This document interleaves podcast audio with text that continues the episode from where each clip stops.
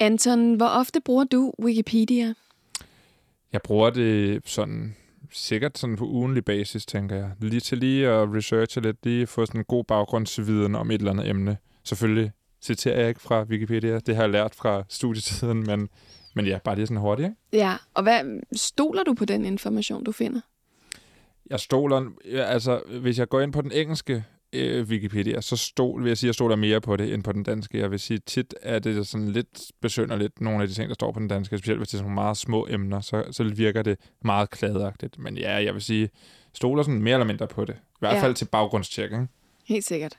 Og har du nogensinde selv skrevet et øh, opslag eller redigeret på Wikipedia? Ja, der, går, der bliver det jo så lidt interessant.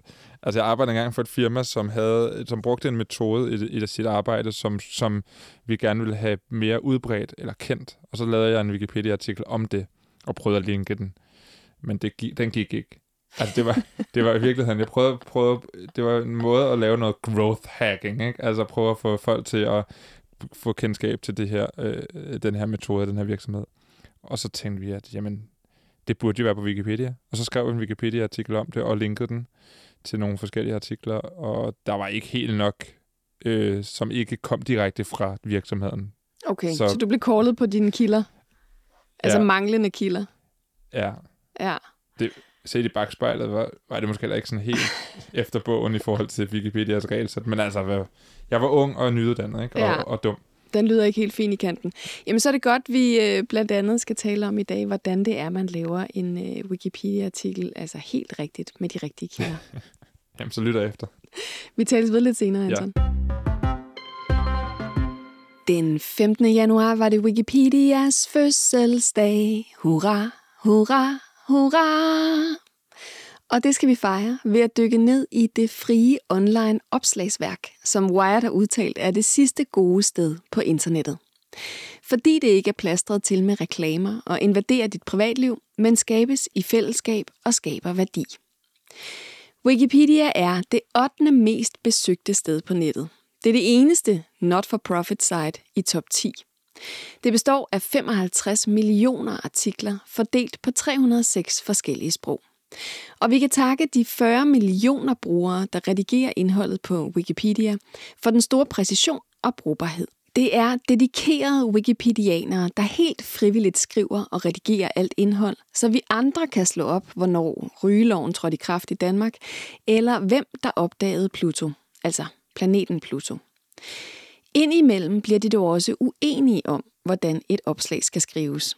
I den store Wikipedia-artikel, som hedder Lamest Edit Wars, der beskrives sådan helt Hall of Fame-agtigt alle de gange, Wikipedianere er rådet i totterne på hinanden over trivielle småting. Og det er en lang, lang liste. For eksempel da Wikipedianere brugte alt for lang tid på at skændes om billedteksten under en ko, på den engelske Wikipedia-artikel om kovæltning. I billedteksten under koen stod nemlig A potential unsuspecting victim – men mange wikipedianere påpegede, at koen umuligt kunne være et intetdrende offer, fordi den er vågen, og den kigger på kameraet om dagen. Men det kan også være mere følsomme og sprængfarlige emner som nationalisme og etnicitet, der er i spil.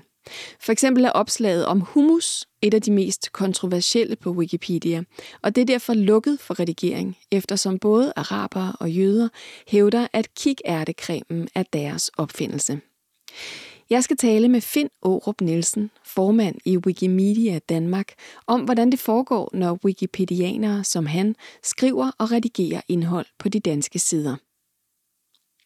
Selvom Wikipedia er værd at fejre, er opslagsværket ikke perfekt. 80-90% af alle, der bidrager, er mænd. Og Wikipedia bruges hovedsageligt i det, der kaldes den vestlige verden. Så det står ikke super godt til med diversiteten. Men det er der heldigvis nogen, der arbejder på at ændre. Jeg skal tale med Maja Kalke Lorentzen, som var en af initiativtagerne til Weekend Edit, et Wikipedia-redigeringsmarathon med fokus på at få oprettet og forbedret profiler på blandt andet kvinder og menneskerettighedsforkæmpere verden over. Og til sidst skal jeg tale med Jeffrey Katarega, som er en del af OpenStreetMap Africa Community – For wiki-metoden, altså at skabe viden eller indhold i fællesskab online, benyttes til mere end encyklopædier.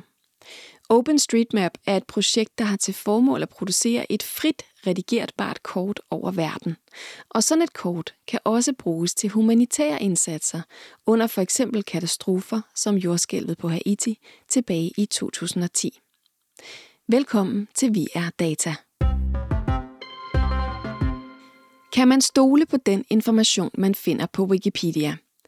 Wikipedia siger selv nej, i hvert fald ikke 100%. Man skal altid finde flere kilder. Og undervisning i brug af kilder er faktisk en del af Wikipedias målsætning. Der er dog ellers tidligere lavet undersøgelser, der sammenligner Wikipedia med den hedderkronede Encyclopedia Britannica og finder dem cirka lige troværdige. Den danske del af Wikipedia fylder mere end 260.000 artikler og skrives af omkring 900 aktive wikipedianere. Finn Aarup Nielsen er en af dem, og han har været aktiv på Wikipedia siden 2002. Han er formand for støtteforeningen Wikimedia Danmark, og så er han lektor på DTU Compute. Tillykke med Wikipedias fødselsdag. Fejrede du den? Ikke sådan specielt meget. Vi har haft det før nogle kom sammen med øh, lidt filmvisning om øh, Wikipedia, men ellers øh, var det den her gang ikke ret meget. Okay, ingen lavkage? Nej, ingen lavkage desværre. Jeg havde en stor kage øh, i, ved 10 års jubilæum. Okay, okay. Så I har fejret en gang. Øhm, ja.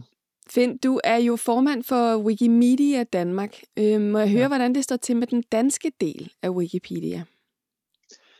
Sådan generelt vil jeg sige, at det er jo udmærket. Øhm, den vokser sådan ganske langsomt. Øh, der er en rimelig god gruppe af wikipedianere, der sørger for, at Wikipedia udvider sig, og at sådan noget som vandalisme bliver taget hånd om. Man kan godt frygte, at, at måske er det lidt nedadgående. Man kan sige, at i tilbage i 2007 øh, var der rimelig mange redigeringer. Der var mange brugere, der redigerede, mens efter 2007 er det gået lidt ned ad bakke det har man ikke bare set i den, på den danske Wikipedia, men også på en, på en række andre sprogversioner af Wikipedia. Og man, øh, hvis man øh, ligesom fulgte den her linje øh, langt ud i fremtiden, så kunne man godt blive lidt bekymret over, at, at øh, der måske på et tidspunkt øh, ikke vil være nok brugere til at skrive og, og, øh, og sørge for, at, at Wikipedia bliver holdt ved lige. Og hvordan kan det være, tror du, at der er færre, der er med nu til at redigere? Ja, det, jeg tror, at øh, i, i nullerne var Wikipedia noget nyt, og det var måske sjovt at være med. Øh, de lave frugter kunne stadigvæk plukkes. Nu er de måske centrale artikler skrevet, og det er lidt svært at komme til. Også være at forestille sig, at øh, sådan noget som ja, der, der, der er kommet så mange regler, øh, at man skal huske at have referencer til det, man skriver. I gamle dage var det måske ikke så nødvendigt, men efterhånden har man fundet ud af, at det er nødvendigt, at, at der er visse, visse konventioner i måden at redigere på. Det, det kan være, at det også er lidt, lidt sværere. Men Finn, vil du sige, at man kan stole på Wikipedia? Altså er det pinligt at sige, det har jeg læst på Wikipedia? Øhm, jo, det er det måske nok lidt. Øh, jeg vil sige, at man skal ikke bruge det som, som kilde, men man kan bruge det som en start i stedet for. Så man, så man, man slår op og finder ud af øh, et eller andet ja, grundlæggende man, et emne, og så skal man gå videre og finde flere kilder? Ja, ja præcis. På, på, på den måde vil jeg sige, altså hvis man altså, vil sætte sig ind i et emne, øh, læs Wikipedia-artiklen måske gerne på flere sprog. Altså, den, den engelske plejer at være god, den danske kan være god i, på nogle danske emner. Øh, hvis der er specielle emner i i udlandet kan det måske også være svensk, øh, tysk, hvis man kan læse det, øh, og norsk. Kan det være en, en idé lige at kigge igennem det se hvad, hvad for nogle kilder er der, og følge, følge de kilder så videre. Ja. Nu vil jeg gerne høre dig, hvordan er det, det foregår, når man er en af dem, der skriver til eller redigerer Wikipedia? Kan, kan du tage os igennem det sådan lidt step by step? Altså, det, det, det er jo meget simpel. Sådan, wiki-ideen blev født i, i 90'erne, og det var simpelthen bare at gøre det så øh, simpelt som overhovedet muligt. Så man øh, trykker på redigere, og så kan man skrive, og så trykker man gem, og så bliver det simpelthen udgivet. Det er ikke ligesom, at det skal igennem en, en godkendelsesprocedure.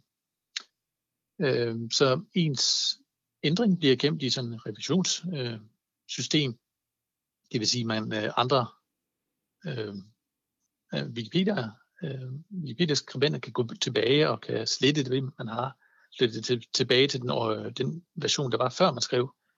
Så på den måde, altså hvis man skriver noget, noget pjat eller noget sletter siden, jamen så kan det hurtigt øh, andre Wikipedianere gå, og øh, man kan gå tilbage og få den gamle version reetableret.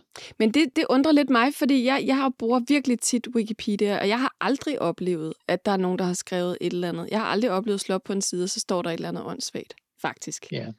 Hvordan kan det, det, det er hvordan kan det være? Ja, det, ja det, det, er jo det er meget mærkeligt, hvorfor det kan gå. Man, man skulle ikke tro, at det kunne lade sig gøre. Jeg tror også, da folk startede på Wikipedia, at, at der var en nervøsitet for, at, at det her kunne gå galt.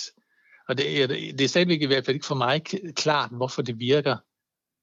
Øh, der er nogle elementer, øh, tekniske elementer ved softwaren, som Wikipedia gør, kører på, som gør, at, der er, at de the good guys, eller de gode Wikipedianere, så at sige, har overtaget. Det er, at man har for, for eksempel forskellige brugerhierarkier.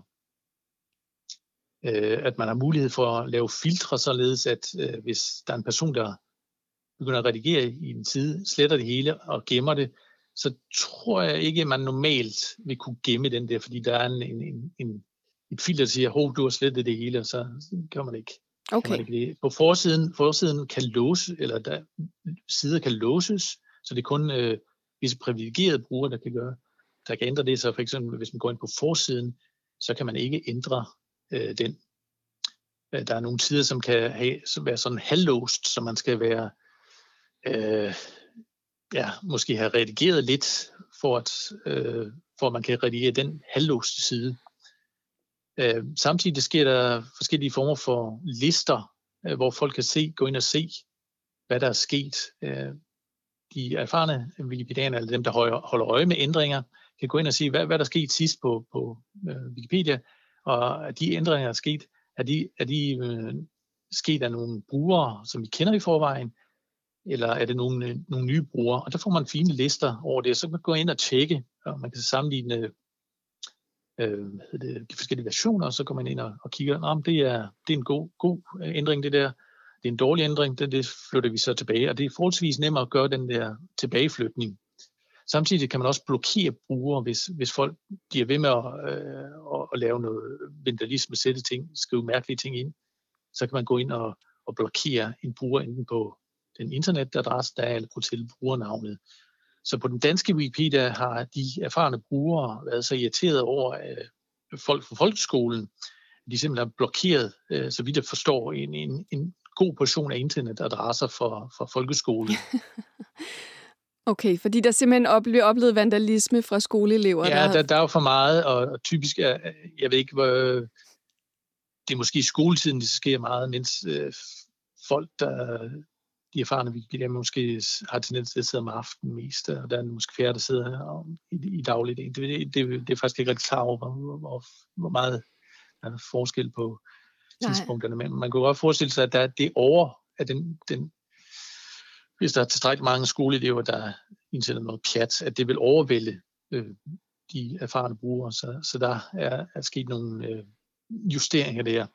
Men det, det, det, er noget, man, ja, det er noget, man, man hele tiden kan tilpasse, den der vægt med, hvor, hvor nemt det er at redigere, hvor, hvem der kan redigere. Så. Ja, og der kommer faktisk en notifikation eller en e-mail afsted til nogen, der sidder og overser det. Altså nogle erfarne typer, nogle redaktørtyper, hurtigt.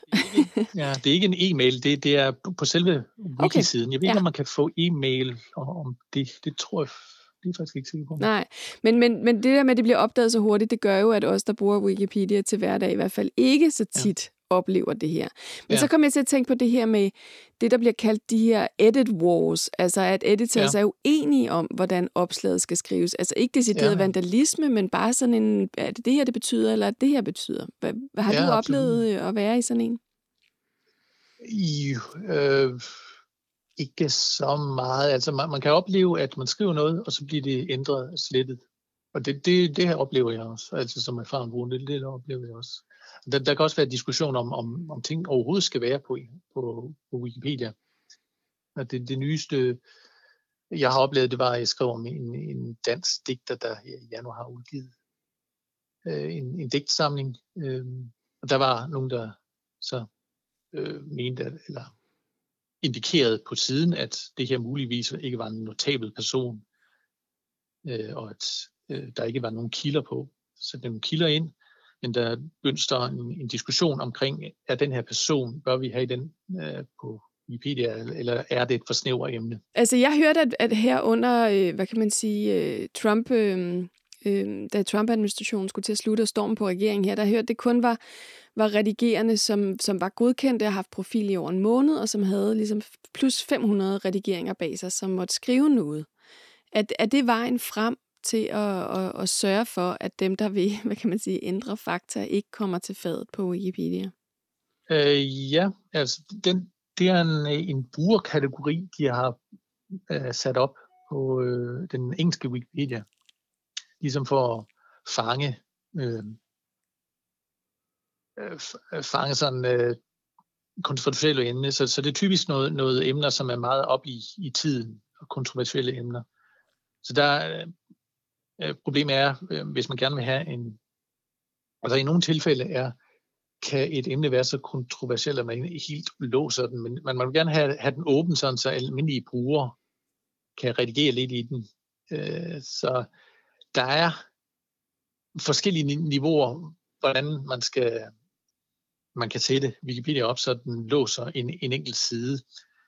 Så, øh, og det kan være afhængigt af fra Wikipedia til Wikipedia, altså de forskellige sprogversioner.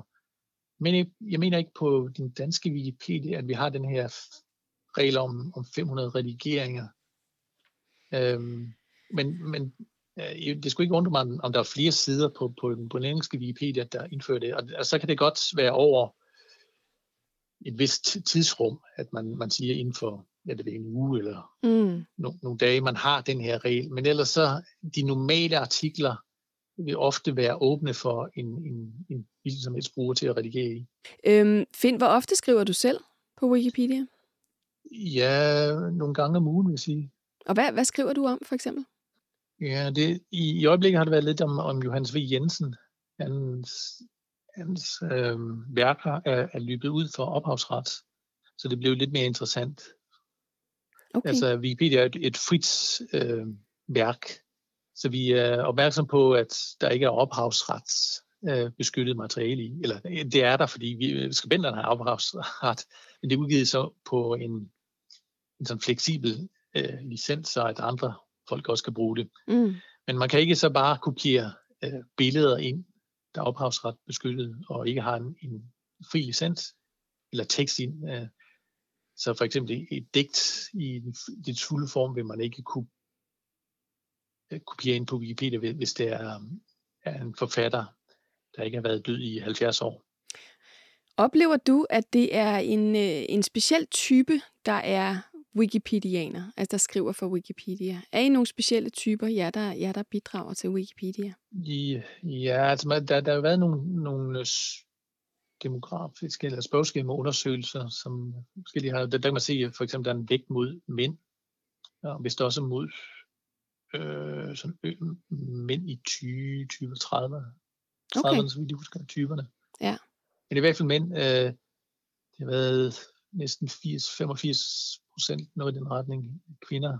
Ja, øh, jeg kan ikke helt huske det. Der, der, der, har været lidt, øh, der har været forskellige måder at opgøre det på. Man, kan, man er jo anonym. Øh, man, man kan være anonym på Wikipedia, så det er, at man ikke ved, ja, mm. hvem der skriver. Men hvad gør man ved det øh, diversitetsproblem, at det, at det overvejende er mænd, der skriver? Ja, vi, vi har haft nogle øh, flere, øh, det, det man kalder skrivemaraton, øh, fysiske møder, hvor øh, øh, vi har sagt, at emnet skulle være at for eksempel øge antallet af kvindelige biografier på Wikipedia. Og der kan man se, at der, der kommer et mere øh, blandet publikum end, end de her forskellige tordenskjold-soldater, som, som vi nogle gange er i, i de mere øh, almindelige Wikipedia-møder, som vi har månedligt. Ja. Men også sådan noget som øh, for eksempel kultur, kulturarv, Øh, Øh, vi har en, en, en gruppe organiseret via Facebook, og nu foregår det så via i internet, men i, i gamle dage, øh, så at sige, mødte vi fysisk her i, i Københavnsområdet øh, med øh, folk fra kulturarvsinstitutioner, og så wikipedianere, og der kan man også sige, der, der kommer en mere, mere kønsbalanceret øh, publikum, eller brugere og, og deltagere. Find her lige til sidst, så skal jeg lige have et råd for dig, fordi jeg har faktisk ikke selv en Wikipedia-side. og jeg spekulerer på, er jeg vigtig nok, og kan jeg selv skrive den? Kan, må man skrive og rette sin egen biografi øh, Nej, det, det, det, det, det, det, at man skriver sin egen, det, det øh, rynker de fleste på næsen af, og jeg tror, de fleste bliver helst vil have, at man ikke kan gøre det. Så det må jeg simpelthen, det må jeg simpelthen finde en anden, der kan gøre for mig, som synes, det er vigtigt. Ja, jamen det, det, det jeg tror, at, at, at, øh, det, som Wikipedia lever af, det er kilder i, i de offentlige rum. Så hvis der er skrevet en, en artikel om dig i en avis, eller at du, du har skrevet en bog, eller der er nogen, der har skrevet en bog om dig, øh, eller noget i den retning, øh, så, så kan man forestille sig, at du, du vil få en, en, at der er nogen, der gerne vil skrive en Wikipedia-artikel om dig. Okay, jeg må simpelthen i gang med at skrive en bog, lyder det som om. Finn, tusind tak for din tid. Det. Kun mellem 10 og 20 procent af alle, der bidrager til Wikipedia, er kvinder. Siden 2015 har Dotopia sammen med Dansk Wikipedia derfor på kvindernes internationale kampdag den 8. marts afholdt arrangementerne We Can Edit, hvor man kan lære at redigere Wikipedia og være med til at skubbe til den skæve kønsfordeling. Og til et af de her arrangementer, der blev direktøren for museet Enigma, hvor jeg sidder lige nu og optager podcast, hun hedder Jane Sandberg, skrevet ind i Wikipedia. Jane, du opdagede jo pludselig, at du havde fået en Wikipedia-artikel om dig selv. Hvordan opdagede ja. du det? Jamen det gjorde jeg, fordi at vi på Enigma øh, havde lagt hus til et arrangement, hvor at øh, det blandt andet handlede om at prøve at dække nogle blinde vinkler hos Wikipedia A, som handlede om manglende øh, repræsentation af kvinder. Og så var der en, der vidste mig i øvrigt, at, øh, at øh, nu havde jeg også en profil. Og så måtte jeg jo ind og se, hvad der kom til at stå om mig. Så derfor fik jeg det faktisk at vide. Okay, og hvad, og, øh, og, og hvad stod der så? Jamen, der, der stod i virkeligheden bare det, man kan slå op i blå bog eller alle mulige andre steder. Øh, noget om, hvilken uddannelsesbaggrund jeg havde, og øh, meget CV-agtigt. Okay. Men stod der det, som du faktisk selv ville have skrevet, hvis nu du havde kunne få lov til at skrive din egen Wikipedia-side? Ej, så havde den selvfølgelig været meget længere og meget mere detaljeret. Nej, pjat. Der stod præcis det, som er retvisende for, hvad jeg har foretaget mig i mit arbejdsliv, og det synes jeg var meget fint. Så kan man spørge, er der nogen, der har brug for at slå det op? Det, det kan man jo så undre sig lidt over. Øh, jeg tror i virkeligheden, at jeg vil synes, det havde været sjovere, hvis der havde været nogle links til noget af det, jeg havde skrevet, eller øh, noget af det, som jeg har optaget af i, i mit arbejdsliv, og ikke bare sådan en, en opremsning af, hvad jeg har gjort. Øh, det svarer lidt til at sende en jobansøgning et eller andet sted, og så kun skrive, hvad man har gjort, i stedet for at skrive noget om, hvad man gerne vil gøre. Men øh, nu er det jo ikke mig, der har lavet den, så, øh, så jeg måtte affinde mig med, at det var sådan, det var, og det lever jeg fint med. og hvad, hvad tænker du om de her øh, edit- eller redigeringsmarathons, hvor kvinder bliver, bliver tilføjet til Wikipedia? Jeg synes, det er nødvendigt. Øh, måske ikke så meget for mit eget vedkommende, men meget mere for nogle af dem, som måske ligger lidt tilbage i historien. Jeg er jo selv oprindeligt kunsthistoriker og har arbejdet rigtig meget med nogle af de øh, oversete kunstnere, som desværre tit er kvinder, som øh, kunsthistorien har rigtig godt af at få selskab af. Og det får man jo kun, øh, hvis de bliver skrevet ind i en sammenhæng, hvor øh, de kommer til at stå side om side med for eksempel deres mandlige kollegaer. Så jeg synes, det er helt vildt nødvendigt og vigtigt, men ikke så meget måske mig, men mere, øh, mere alle dem, som er blevet overset af forskellige årsager, øh, som meget tit hænger sammen med et andet kønsbillede. Tusind tak for snakken, Jane. Velbekomme. Det var blandt andet Maja Kalke Lorentzen, der stod bag det her arrangement, hvor Enigma-direktør Jane Sandberg, blandt andre, blev tilføjet til Wikipedia. Maja er forfatter, researcher og rådgiver for cybernauterne, der arbejder med digital forståelse. Og så er hun med i internetaktivistgruppen Dotopia. Maja, hvad var baggrunden for, at I valgte at lave de her We Can Edit redigeringsmaratoner? Grunden til, at vi startede Weekend Edit, var, at, øh, tilbage i 2015, så talte vi om, at vi godt kunne tænke os at lave noget mere aktivistisk til 8. marts. Og en af vores veninder, hun havde været til sådan en Wikipedia-redigeringsmarathon i New York, hvor hun boede derovre. Og det synes vi lød rigtig fedt. Det kombinerede både det, at man sad sammen og kunne lave noget konkret arbejde med, at vi kunne få nogle flere Wikipedia-artikler på dansk Wikipedia om, øh, om kvinder, og vi kunne få nogle flere folk til, at, eller nogle flere kvinder til at kaste sig ind i at redigere og skrive til dansk Wikipedia, for vi vidste, det var der ikke særlig mange, der gjorde. Øhm, så det var sådan lidt baggrunden. Vi havde lyst til at lave noget praktisk aktivisme, som ligesom kunne bruges resten af året til øh, kvindernes internationale kampdag. Og, øh, og vi kunne se, at der var et behov for, at der var flere kvinder, der kom ind og skrev på Wikipedia. Det var også noget, Wikipedia selv var ude at sige. Øh, vi søgte faktisk penge af dem til at afholde det her øh, øh, 1. marts i 2015, og dem fik vi, fordi de vil rigtig gerne have, at der er flere kvinder, der skriver til, til det her internationale leksikon. Mm. Og hvorfor, hvorfor er der måske så få kvinder, der bidrager til Wikipedia? Hvad er dit gæt? Mm, altså, det er en kombination af mange ting. Ikke? Altså, der, der er jo både med, at, at der er få kvinder, der bidrager til tech-udvikling i det hele taget. Og man behøver faktisk ikke være super teknisk for at skrive til Wikipedia. Øh, men der er lidt en, øh, der er en barriere der, som, som man skal have et på mod for øh, at komme ind til. Så er der også en tendens til, at kvinder, der skriver til Wikipedia, bliver øh, redigeret skarpere og hårdere end mænd, der skriver til Wikipedia. Øhm, for, øh, og det ved man også med kvinder, der koder generelt, at du bliver bedømt anderledes, når folk kan se, at du er kvinde. Det er der lavet nogle undersøgelser af på GitHub blandt andet. Og det, det er også noget, som Wikipedia selv peger på, øhm, og som vi har set efter nogle af de her maratoner, at der har været nogle meget MC-redaktører øh, at slette eller rette i artikler, som ellers var fine og levede op til standarderne, men jamen, det var ikke en vigtig nok person, eller det ene eller det andet. Så der er ligesom nogle forskellige standarder for kvinder, øh, der kommer ind i det her øh, miljø og det kan afholde nogen fra det. Og er den her ulighed må større, når det kommer til et frivilligt leksikon, som, hvad kan man sige, eller man er jo frivillig som redigerende på Wikipedia i forhold til, hvis man sætter nogle skribenter sammen og, op og laver en encyklopædi, for eksempel, et andet leksikon? Altså nu ved jeg ikke, hvem der skriver til encyklopædier, og hvordan kønsfordelingen er der, men jeg har da indtryk af, at hvis man kigger på sådan tunge vidensinstitutioner, så er de jo stadigvæk også relativt domineret af mænd. Men der kan man selvfølgelig sige, der har man en ledelse, som så kan gå ind og tage en beslutning om, nu vil vi have flere kvinder med, vi går ind og rekrutterer.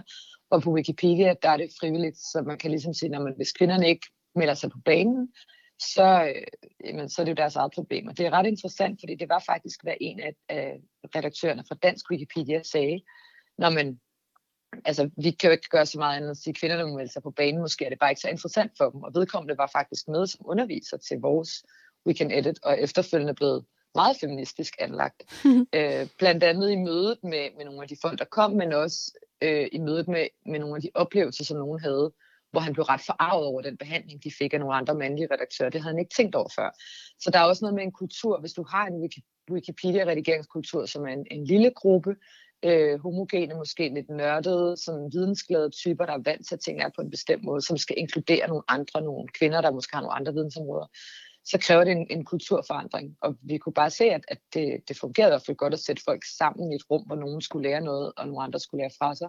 Men der er også ligesom opstået en dialog, hvor, hvor nogle af de her redaktører fik en forståelse for, at det ikke var lige så nemt som kvinder at komme ind og begynde at redigere Wikipedia, fordi man blev mødt på en anden måde. Mm. Og hvad, hvad var så øh, målsætningen for dagen, sådan helt konkret? Hvordan, hvordan greb I det an? Jamen, dengang i 2015, der havde vi et meget specifikt fokus, og, og det var, at der skulle flere artikler om øh, kvindelige kunstnere, danske kvindelige kunstnere, men også profiler om internationale kunstnere på dansk. De skulle enten opdateres, så der for eksempel ikke om Yoko Ono, som det første stod, at det var John Lennons kone, men der stod noget om, at hun var kunstner, og, og hvad hendes virke var, ikke? Jo. Ja, det, det, altså sådan nogle ting, du ved. Øh, men også bare, der, er rigtig, der var rigtig mange øh, store internationale øh, kendte øh, kvindelige kunstnere, forfattere, øh, billedkunstnere, øh, malere, som der slet ikke stod, enten ikke stod noget om, eller ikke stod særlig meget om. Så vi lavede en ønskeliste.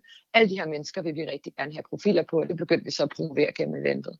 Og så kunne folk også dukke op og sige, at jeg vil faktisk gerne skrive om hende her, eller den her aktivistgruppe, eller den her øh, det her begreb.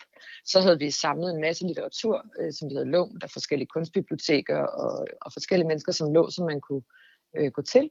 Og så var der nogle folk fra Wikipedia Danmark, som kom og underviste i, hvordan starter du en artikel, både sådan, hvordan øh, øh redigerer du Wikipedia rent teknisk, men også, hvad er en god øh, leksikonartikel, hvad skal den indeholde, hvordan skriver du så objektivt som muligt, hvordan lægger du kilder ind, og hvordan sørger du for, at det ikke er din holdning til noget, du skriver, men noget, der faktisk er almindeligt anerkendt og dokumenterbart. Og så også det her med at forvente, at ens ting bliver gået igennem og, hvad hedder det, og, og rettet til, og, øh, og måske nogle gange udfordret af andre redaktører, hvordan man skal forholde sig til det. Mm. Og ja. hvem, øh, hvem fik I for eksempel, eller hvem har I gennem årene for eksempel fået tilføjet ja. til, øh, til Wikipedia?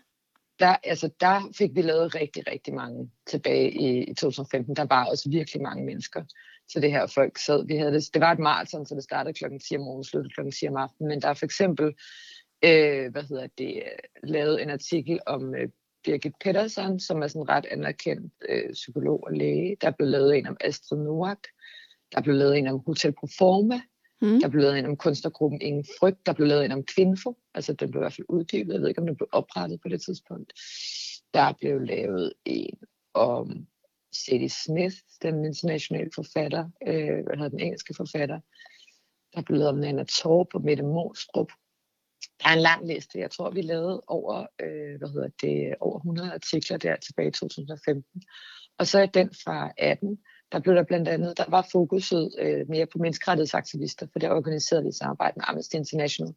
Så der har vi blandt andet lavet øh, en artikel på de to kvinder, der hedder Sign Up og Maja og de døtre af, af en øh, bahrainsk menneskerettighedsaktivist. Øh, og, og begge to bosat i Danmark, og der blev så beskrevet deres menneskerettighedsaktivisme og så videre. Også en, der hedder Shirin Ebadi, og der blev også lavet en på Amalie Have, som er aktivist og Instagrammer.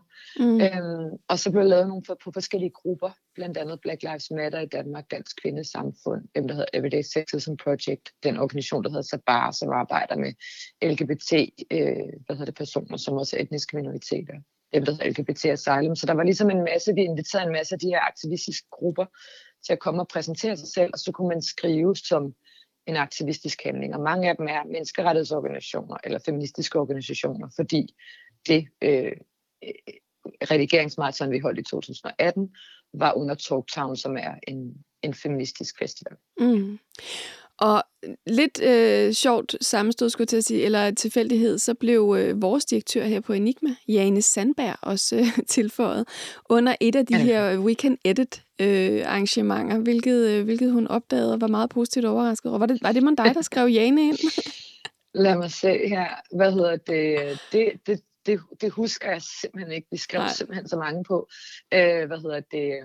Så øh, det er muligt, at det også var et tilbage i 2015. Men det er jo nok, fordi hun har noget med kunst og kultur at gøre, og vi har fokus på det på et eller andet tidspunkt. Jeg vil tro, at det muligvis er min øh, medarrangør, øh, Majbrit, som er meget mere øh, inde i sådan øh, hmm. museums- og kunstverden, end jeg er, som har tænkt, hun skal have en profil. Det er virkelig vigtigt. Ja. Øhm, og man kan sige, det er jo også en måde at synliggøre, hvor mange kvinder der er rundt omkring på arbejdsmarkedet, som laver nogle vigtige og relevante ting, men som man ikke nødvendigvis kender til. Og det her, når man ikke har hørt om folk, så tænker man også, at deres bidrag ikke er vigtigt. Og det er derfor, at Wikipedia øh, er rigtig vigtigt, at dansk sprog Wikipedia er rigtig vigtigt, fordi det er et startpunkt for at søge information, især for unge mennesker, der går i skole, eller der, hvor man ligesom starter med at kigge. Så, så for vores sprogområde er det også godt, at det er kvaliteter, der er artikler nok om folk, der er relevante for, hvad kan man sige, for vores historie, eller for den offentlige debat, eller for bestemte brancher. Er du øh, selv stadig, kan man sige, udenom de her marathons, øh, aktivt skrivende på, på Wikipedia? Altså jeg vil sige, det der var noget tid siden, jeg skrev noget sidste år, skrev jeg en artikel, og jeg har en masse artikler, især om sådan begreber, som jeg vil synes, det var rigtig fedt at få forklaret på dansk, som, som ligger i min skuffe, og jeg går og venter på, og jeg får tid til. Og det er måske en anden grund til, at der er så få kvinder, der skriver, fordi at du ved, rigtig meget af det der reproduktive arbejde, man skal hente og bringe børn, og man skal ordne ting i hjemmet og sådan noget. Det, det er sgu få timer, jeg har i ugen, hvor jeg har ekstra tid til at lave noget, som du ved, jeg ikke kan, jeg kan betale min husleje med mm. øhm, i den alder, som jeg har nu. Så, øh, hvor jeg har to små hjemmeboende børn. Så måske når jeg bliver pensionist. Eller måske den, øh, måske den 8. marts, Maja, hvis vi, hvis måske vi den 8. marts. får mulighed for det igen. Ja. Øhm, jeg vil lige høre dig, den her fordeling, hvad kan man sige, blandt mænd og kvinder, der skaber det her vigtige opslagsværk, øh, Wikipedia, som vi er så mange, der kigger på. Øhm, tænker du, at det er repræsentativt for, for nettet som helhed? Altså har jeg lyst til at sige, dem, der rent faktisk skaber det indhold, vi kigger på. Altså, øh, hvilken betydning har det? Mm, altså jeg vil sige, der er jo rigtig, rigtig mange kvindelige indholdsskabere på nettet. Øhm, men det er, altså hvis du kigger på apps som Instagram, eller altså platforme som Instagram, eller Twitter, eller Facebook, der er jo vildt mange, der skaber indhold. YouTube også for den sags skyld. Øhm, så jeg tror, det kommer an på, hvor man kigger hen. Altså nogle steder er helt klart øh, mere gearet til at, øh, og, at have et community, der i højere grad konsumerer indhold skabt af kvinder. Og så er der nogle steder, hvor det er knap så givet til det. Og det er jo især der, hvor det måske simulerer lidt, at her er vi tech-savvy, her er vi lidt nørdede. Det er, det er nogle miljøer, hvor det har været sværere for kvinder at komme ind og få en plads, uden at skulle slås en lille smule for det. Og det er der mange, der ikke gider, og det kan jeg godt forstå. Øhm, jeg er selv en af dem, som sådan, det gider jeg godt. Øh, hvad hedder det? Og så finder man også altid nogle allierede mænd i de her miljøer, som også synes, det er noget pjat, der ikke er så mange kvinder, og som godt gider at lukke ind. ind. Øhm, men, men det er ligesom sådan, det er, ikke, det er ikke et super velkommen miljø, Wikipedia. Og der, på den måde, så ligner det meget af hvad kan man sige, tech-udviklingsbranchen. Øh, øh, mange sådan programmeringsmiljøer eller øh, sådan nørdede tech-miljøer, at de er, der er flere mænd, end der er kvinder. Og, øh, og så opstår der måske også nogle steder ikke en idé om, at grunden til, at der ikke er nogen kvinder, det er, fordi kvinder ikke kan finde ud af tech. Og så reagerer man på en ikke særlig hensigtsmæssig måde, når der så er nogle kvinder, der prøver at komme ind og siger, at det kan vi sådan set godt, må vi være med. Så, ah, men kan du alt det her? Og så holder man dem til nogle meget højere standarder og behandler dem måske ikke super fedt. Og så skrider de igen. Og det er, det er et problem også i, i tech-branchen, at man vil gerne have flere kvindelige programmører og udviklere, men, men helt fra uddannelsesniveauet til når man kommer ud på arbejdsmarkedet, så bliver de behandlet anderledes. Så det, er, det, det er der sådan udbredt øh, hvad hedder det, udenom, både i Danmark. Øh, Bruser har lavet en undersøgelse af det for nylig, hvordan kvinder bliver forskelsbehandlet i IT-branchen, men også internationalt at der er en tendens til, at de her IT- og tech-miljøer øhm, har, ikke er super velkomne over for kvinder. Så hvis man faktisk selv har lyst til at bidrage til Wikipedia, eventuelt for også at hjælpe med at gøre op med den her skæve kønsfordeling, kan du så ikke lige, altså, hvor svært er det? Og hvor skal man, hvor skal man starte?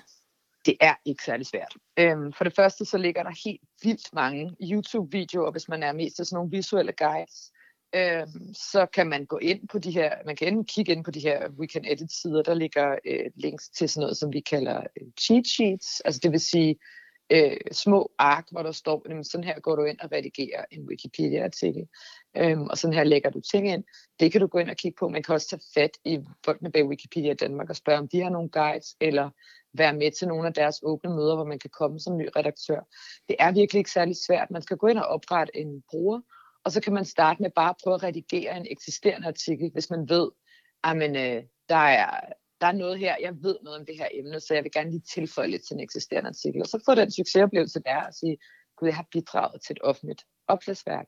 Og så efterhånden, som man måske får blod på tanden for at starte en artikel selv, så kan man jo gå ind og se, øh, altså finde nogle guide til, hvordan gør du det, eventuelt få hjælp af en, af en af de mere erfarne redaktører. Men det er virkelig tilfredsstillende, når man er færdig med et opslagsværk, og man så ved, at jeg har bidraget til, at nu, nu er der viden om den her person eller det her begreb øh, på internettet. Det er, det er super fedt, så jeg vil bare anbefale, at man går i gang. Det lyder virkelig fedt. Du, øh, du får i hvert fald tændt den i mig, så det kan være, at jeg skal gå i gang med at, at bidrage, som jeg nu kan. Tusind tak for snakken, Maja. Selv tak. I sidste uge talte vi om digital nødhjælp, det der også kaldes tech development, her i VR Data. Og vi nåede på en time selvfølgelig slet ikke rundt om alle de interessante vinkler og projekter, der findes under den paraply. Et af dem, der tilfældigvis også passer ind i denne uges emne, er OpenStreetMap. OpenStreetMap er et projekt, der har til formål at producere et frit redigerbart kort over verden. Projektet fungerer efter samme princip som Wikipedias, Nemlig ved, at enhver, der ønsker det, kan oprette en brugerkonto og gå i gang med at bidrage. Jeg skal tale med Jeffrey Catarega, som arbejder for det, der hedder Humanitarian OpenStreetMap Team. Altså dem, der beskæftiger sig med, hvordan man kan bruge OpenStreetMap til humanitære indsatser. Jeffrey arbejder fra Uganda og er et aktivt medlem af OpenStreetMap Africa Community, som arbejder for at sammensætte et komplet detaljeret kort over hele kontinentet Afrika. Okay, Jeffrey, could you explain to us what does open mapping mean? You work with open mapping. What is that? Yeah, so open mapping is all about making uh, map data uh, freely accessible uh, by anyone. Uh, so we do this by using a platform called uh, OpenStreetMap, and uh, what this one really does is allowing anyone anywhere in the world to be able to contribute to to this platform platform by making map data freely available. So only thing you need to do is like create an account on OpenStreetMap, and there you go. You can add anything to the map from uh, the place where you stay, and by doing that, you are sharing this knowledge that you have of your local place with the rest of the world. Okay. And and what are some of the reasons that precise maps can be very crucial or important in humanitarian aid? Yeah, so um, yeah, precise maps are very uh, important because um, in case of a disaster, uh, it takes just need takes like hours to days and weeks um, to help people to uh, receive the supplies and get them the right place at the right time. So increasing the potential to really save lives. So map data can come in uh, to be very critical in such uh, times uh, because in such cases people's lives are at stake. Uh, so the first responders need fast, reliable information to reach uh, the affected places. And uh, to do this, they need like very accurate and uh, up-to-date maps to be able to reach uh, the people who are most in need in time. But why can't they use uh, Google Maps, for instance? They are satellite maps as well, right? Why why can't they be used for, for those purposes? Yeah, that's a good question. So um, the most places which are most vulnerable to uh, disasters are the places which are least mapped. Some of these places uh, don't exist on such of the, uh, the other popular mapping platforms that we know, like uh, um, the Google Maps, for example uh, you may find just a blank dot on the map, but when it's a place that has uh, thousands of people uh, existing. So that's where uh, the humanitarian OpenStreetMap team comes in because we try to make these places which are missing on maps and make them uh, uh, mapped and have this data publicly and freely available for anyone to use, including humanitarian actors. And can you give us some examples of when when this um, some examples of when you have used this. What kind of uh, what kind of uh, humanitarian purposes do you use it for? For instance. Yeah, so um, yeah, I'll just give uh, the very best example. So in 2010, uh, when we had the earthquake in, in Haiti, um, the OSM community was able to map the whole island in a couple of hours uh, from satellite imagery uh, which allowed relief workers to properly uh, coordinate rescue missions and save very many lives. Uh, and this is something which would not have been done using the commercial maps. Um, so within eight, 48 hours of the earthquake, uh, the whole place was mapped using uh, high resolution satellite imagery, uh, making this data available for the response. So within a month, um, over 600 contributors volunteered their time and skills and really made uh, uh, this map data available, which was critical to uh, save people's lives. So what they actually do is they they sit with this application where they can add things, and then they add places where people can get help and places where people need help to to the OpenStreetMap. Is that correct? Yeah, so the, the, the, way it happens is that, you know, we have a, a global community of volunteers who contribute to this map. Uh, so there is what we call remote mapping. And what this means is people get a satellite imagery and they can trace things like uh, roads, buildings that they can see from satellite imagery. But then we rely on uh, local communities. So people who live in these areas to be able to add more detail. Um, for example, the name of a building, uh, where the local school is, where the hospital is, even trying to identify which one are the, like the evacuation routes, uh, evacuation centers that can be used by the humanitarian actors. And the people who do this are they uh, are they there in Haiti at the at the site, for instance, or are these these people all around the world who help help out? Yeah, so that's the beauty of OpenStreetMap because uh, it's a collaborative effort. Uh, so to be able to uh, volunteer your time uh, to respond to a disaster that has happened in another uh, world through a platform like OpenStreetMap, that's the power because people in any other parts of the world just come online and really in a short time try to create this map data uh, that can be used to, uh, to, to, to, to, deliver aid to these people, but also the opportunity to um, collaborate with people on ground. I can just give an example of um, uh, in 2015 when there was an earthquake in Nepal, in Kathmandu. So we worked with a local uh, mapping community called the Kathmandu Living Labs uh, to coordinate the efforts on ground. So we had volunteers mapping online, but also we had a local mapping community which made the uh, map data accessible to humanitarian agencies that are responding to the crisis uh, on ground. Okay, so everyone everyone can help really from where they are. Yeah, that's uh, that's how easy it is because anyone, anywhere, anywhere in the world can really contribute to this map. And getting started with mapping is really easy. Uh, so with just just a few steps and walk through, someone can get started mapping uh, very quickly. And Jeffrey, you're working on on the in from the African community. What kind of projects are you working on right now? Yeah, so um, we are having uh, this kind of commitment to uh, put 1 billion people uh, on the map in the next five years. And we want to really do this uh, with the local mapping communities.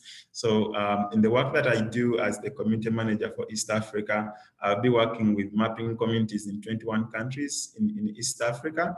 And uh, through this, we are empowering them to put themselves on the map. So we are working with local communities to create map data so that we don't wait for a disaster to happen before people can use the map. So we make the maps are readily available, uh, even for development purposes um, and also for uh, humanitarian purposes. So, if we have listeners who right now who want to help to do this, what should they do? Yeah, it's really easy getting started. So um, the first thing to do is to go on uh, uh, openstreetmap.org, create an account. Uh, but if you really want to uh, contribute to humanitarian mapping, uh, you can really go to uh, tasks.hotosm.org, which is the platform that we use for collaborative mapping, where you know a, a, place which needs mapping is divided into small grids, and each person can pick a slot and go and map that and make uh, the map data available. So that's the platform we use for collaborative mapping. So that's how easy it is to get started mapping. Okay. So that's uh, that easy setup guide is is uh, is passed on to our listeners. Thank you so much, Jeffrey, for your time. Thank you, Mary. Thanks for having me. Det anslås, at 1 milliard mennesker bor i områder, der ikke findes på kommercielle kort.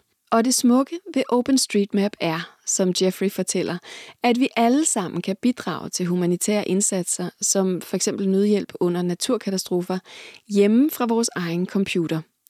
Ved at tilføje en landsby, en vej eller et hospital ad gangen, kan man sammen skabe et brugbart kort, som rummer de dele af verden, som andre kort ikke dækker.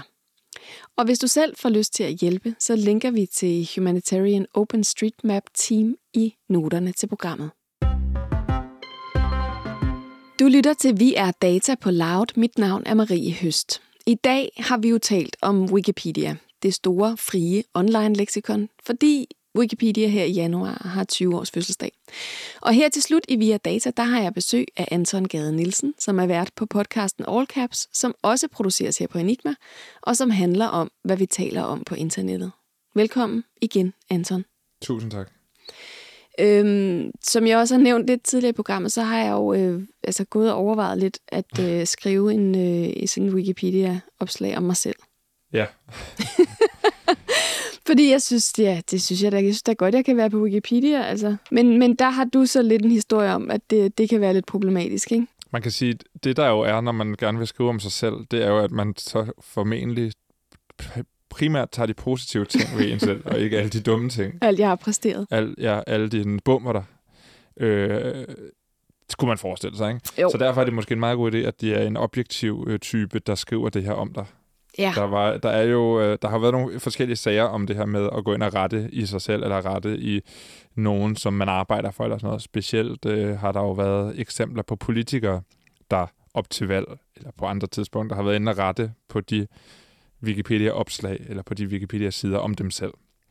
Og det blev et, et så stort problem på et tidspunkt, at der er en fyr, der har oprettet en, øh, sådan en Twitter-bot, som kan se hver gang, der er nogen, der har ændret i et opslag på Wikipedia med IP-adresse fra inden for Christiansborg. Så hvis der er en politiker, eller en rådgiver, eller en studiemedhjælper, eller whoever, praktikant, der, der ændrer noget på en Wikipedia-artikel inden for Christiansborgs IP-adresse, så, øhm, Så kan man se det. Ja, Så for det kan, jo, det på- det kan jo faktisk gå begge veje. Enten så er det sådan lidt øh, så er det sådan glansbillede fremstilling af sig selv som et vidunderligt menneske, eller også så er det sådan lidt mudderkastning på nogle andre politikere. Ja, altså, og denne her, øhm, denne her bot, eller hvis man lige er interesseret i det, så hedder øhm, Twitter-profilen Folketinget redigerer. altså meget simpelt, Ja. ikke? Det er en fyr, der hedder Ole- Palnatoke, der har lavet den her øh, bot, fordi han jo i på et tidspunkt synes, at det blev faktisk et reelt problem, og et demokratisk problem. Der er et eksempel med en politiker, som hedder Markus Knudt, som jeg ikke ved, om folk kender, men øh, på, på, på daværende tidspunkt, der var han altså på folketingskandidat øh, kandidat for Venstre. Nu er han medlem af Konservativ Folkeparti. Men dengang var det altså øh, op til øh, valgkampen, og han var øh, folketingskandidat for Venstre. Og der var der lige pludselig noget, der forsvandt fra hans øh, Wikipedia-artikel. Og det viser, at det var nogen fra Christiansborg, der havde ændret det her. Og det, og det der blev fjernet, det var, at han altså har modtaget to anonyme donationer på hver 20.000 kroner til at føre valgkamp for i 15. Så nogen har tænkt, det der, det skal ikke stå om Markus, så kan det være, at han får færre stemmer. Jeg tror sgu lige, jeg sletter det. Lige præcis. Og der spurgte TV2 på det tidspunkt, Markus, er det dig selv, der har gjort det? Oplagt, ikke? Det var ikke Markus selv. Han synes, det ville være for dumt at gøre det selv. Okay. Øh, det viser sig senere hen, at det var en af hans nye øh, unge medarbejdere, der i god øh, tro havde gjort det, eller i sådan god vilje havde gjort det. Men Ja. det var en fejl. Det, han ville have gjort, siger Markus Knudt, det er, han ville bare lige ind og rette lidt rundt omkring, og så ved en fejl kommer han til at slette denne her sætning, som handler om de her 20.000 øh, kroner. Og det er jo super uheldigt. Meget uheldigt. altså, Bare rette lidt rundt omkring. Ja, det er det. Der er, en, der er en lidt interessant pointe i det, synes jeg, fordi Markus Knudt siger, jamen prøv at høre, hvorfor skulle jeg holde det her skjult? Det har jeg jo stået på forsiden af politikken, og jeg har udtalt mig til TV2 News og bla bla bla om det her. Så det er jo ikke, fordi jeg vil holde det hemmeligt. Men der synes jeg, at den her artikel fra øh, TV2, som jo i øvrigt taler med Aske Kammer, som øh, er øh, ekspert og arbejder på Danmarks Medie- og Journalisthøjskole, han, han siger, jamen Wikipedia er jo det sted, der samler al information, Ja, så du kan ikke du sidder jo ikke, hvis du skal finde ud af, hvem skal stemme på, hvem har fået mange anonyme donationer, så går du ikke rundt og leder efter alle artikler om alle folketingspolitikere på alle medier. Så går du på Wikipedia. Og derfor er det jo en væsentlig pointe, at det er blevet fjernet fra Wikipedia, selvom det stadigvæk har stået på politikens forside, hvornår end det så har været. Ikke? Jo, og det er jo der, Wikipedia faktisk har meget magt. Altså, Ja. hvor det er meget betydningsfuldt. Øhm, for det er jo rigtigt nok, man bruger det lidt som overblik. Og det første sted, man render på, altså som, som, som Finn også sagde i et tidligere interview, altså det, er jo, det betyder også noget for, for skoleklasser, der lige slår op. Så kan det godt være, at de får at vide, at de skal gå videre i deres research. Men det første indtryk, man får, det får man fra Wikipedia. Og det betyder altså noget. Og derfor synes jeg, det er en god idé, at, at, man, at man siger til politikere, at de ikke skal gå ind og rette sig selv. Og specielt lige op til et valg, hvor man ved, at mange måske lige skal gå ind og tjekke. Så derfor kan det være, at det er dig, der skal skrive den der øh, Wikipedia-artikel om mig jo. Ja, jeg er meget objektiv. Det synes jeg Ej, godt, vi men kan øh, jeg har hørt noget med, at man skal have, der er nogen, der skal have skrevet en bog om en, før man kan komme Ja, på det er rigtigt nok, det er den bog. Jamen, det må jeg simpelthen vente på. Øh, Det er det nu så. Det var alt, hvad vi nåede denne gang i Vi er Data. Programmet var produceret af og på Enigma Museum for Post, Tele og Kommunikation for Loud. Og i redaktionen sidder Anton Gade Nielsen, Darnell Body og jeg selv. Jeg hedder Marie Høst.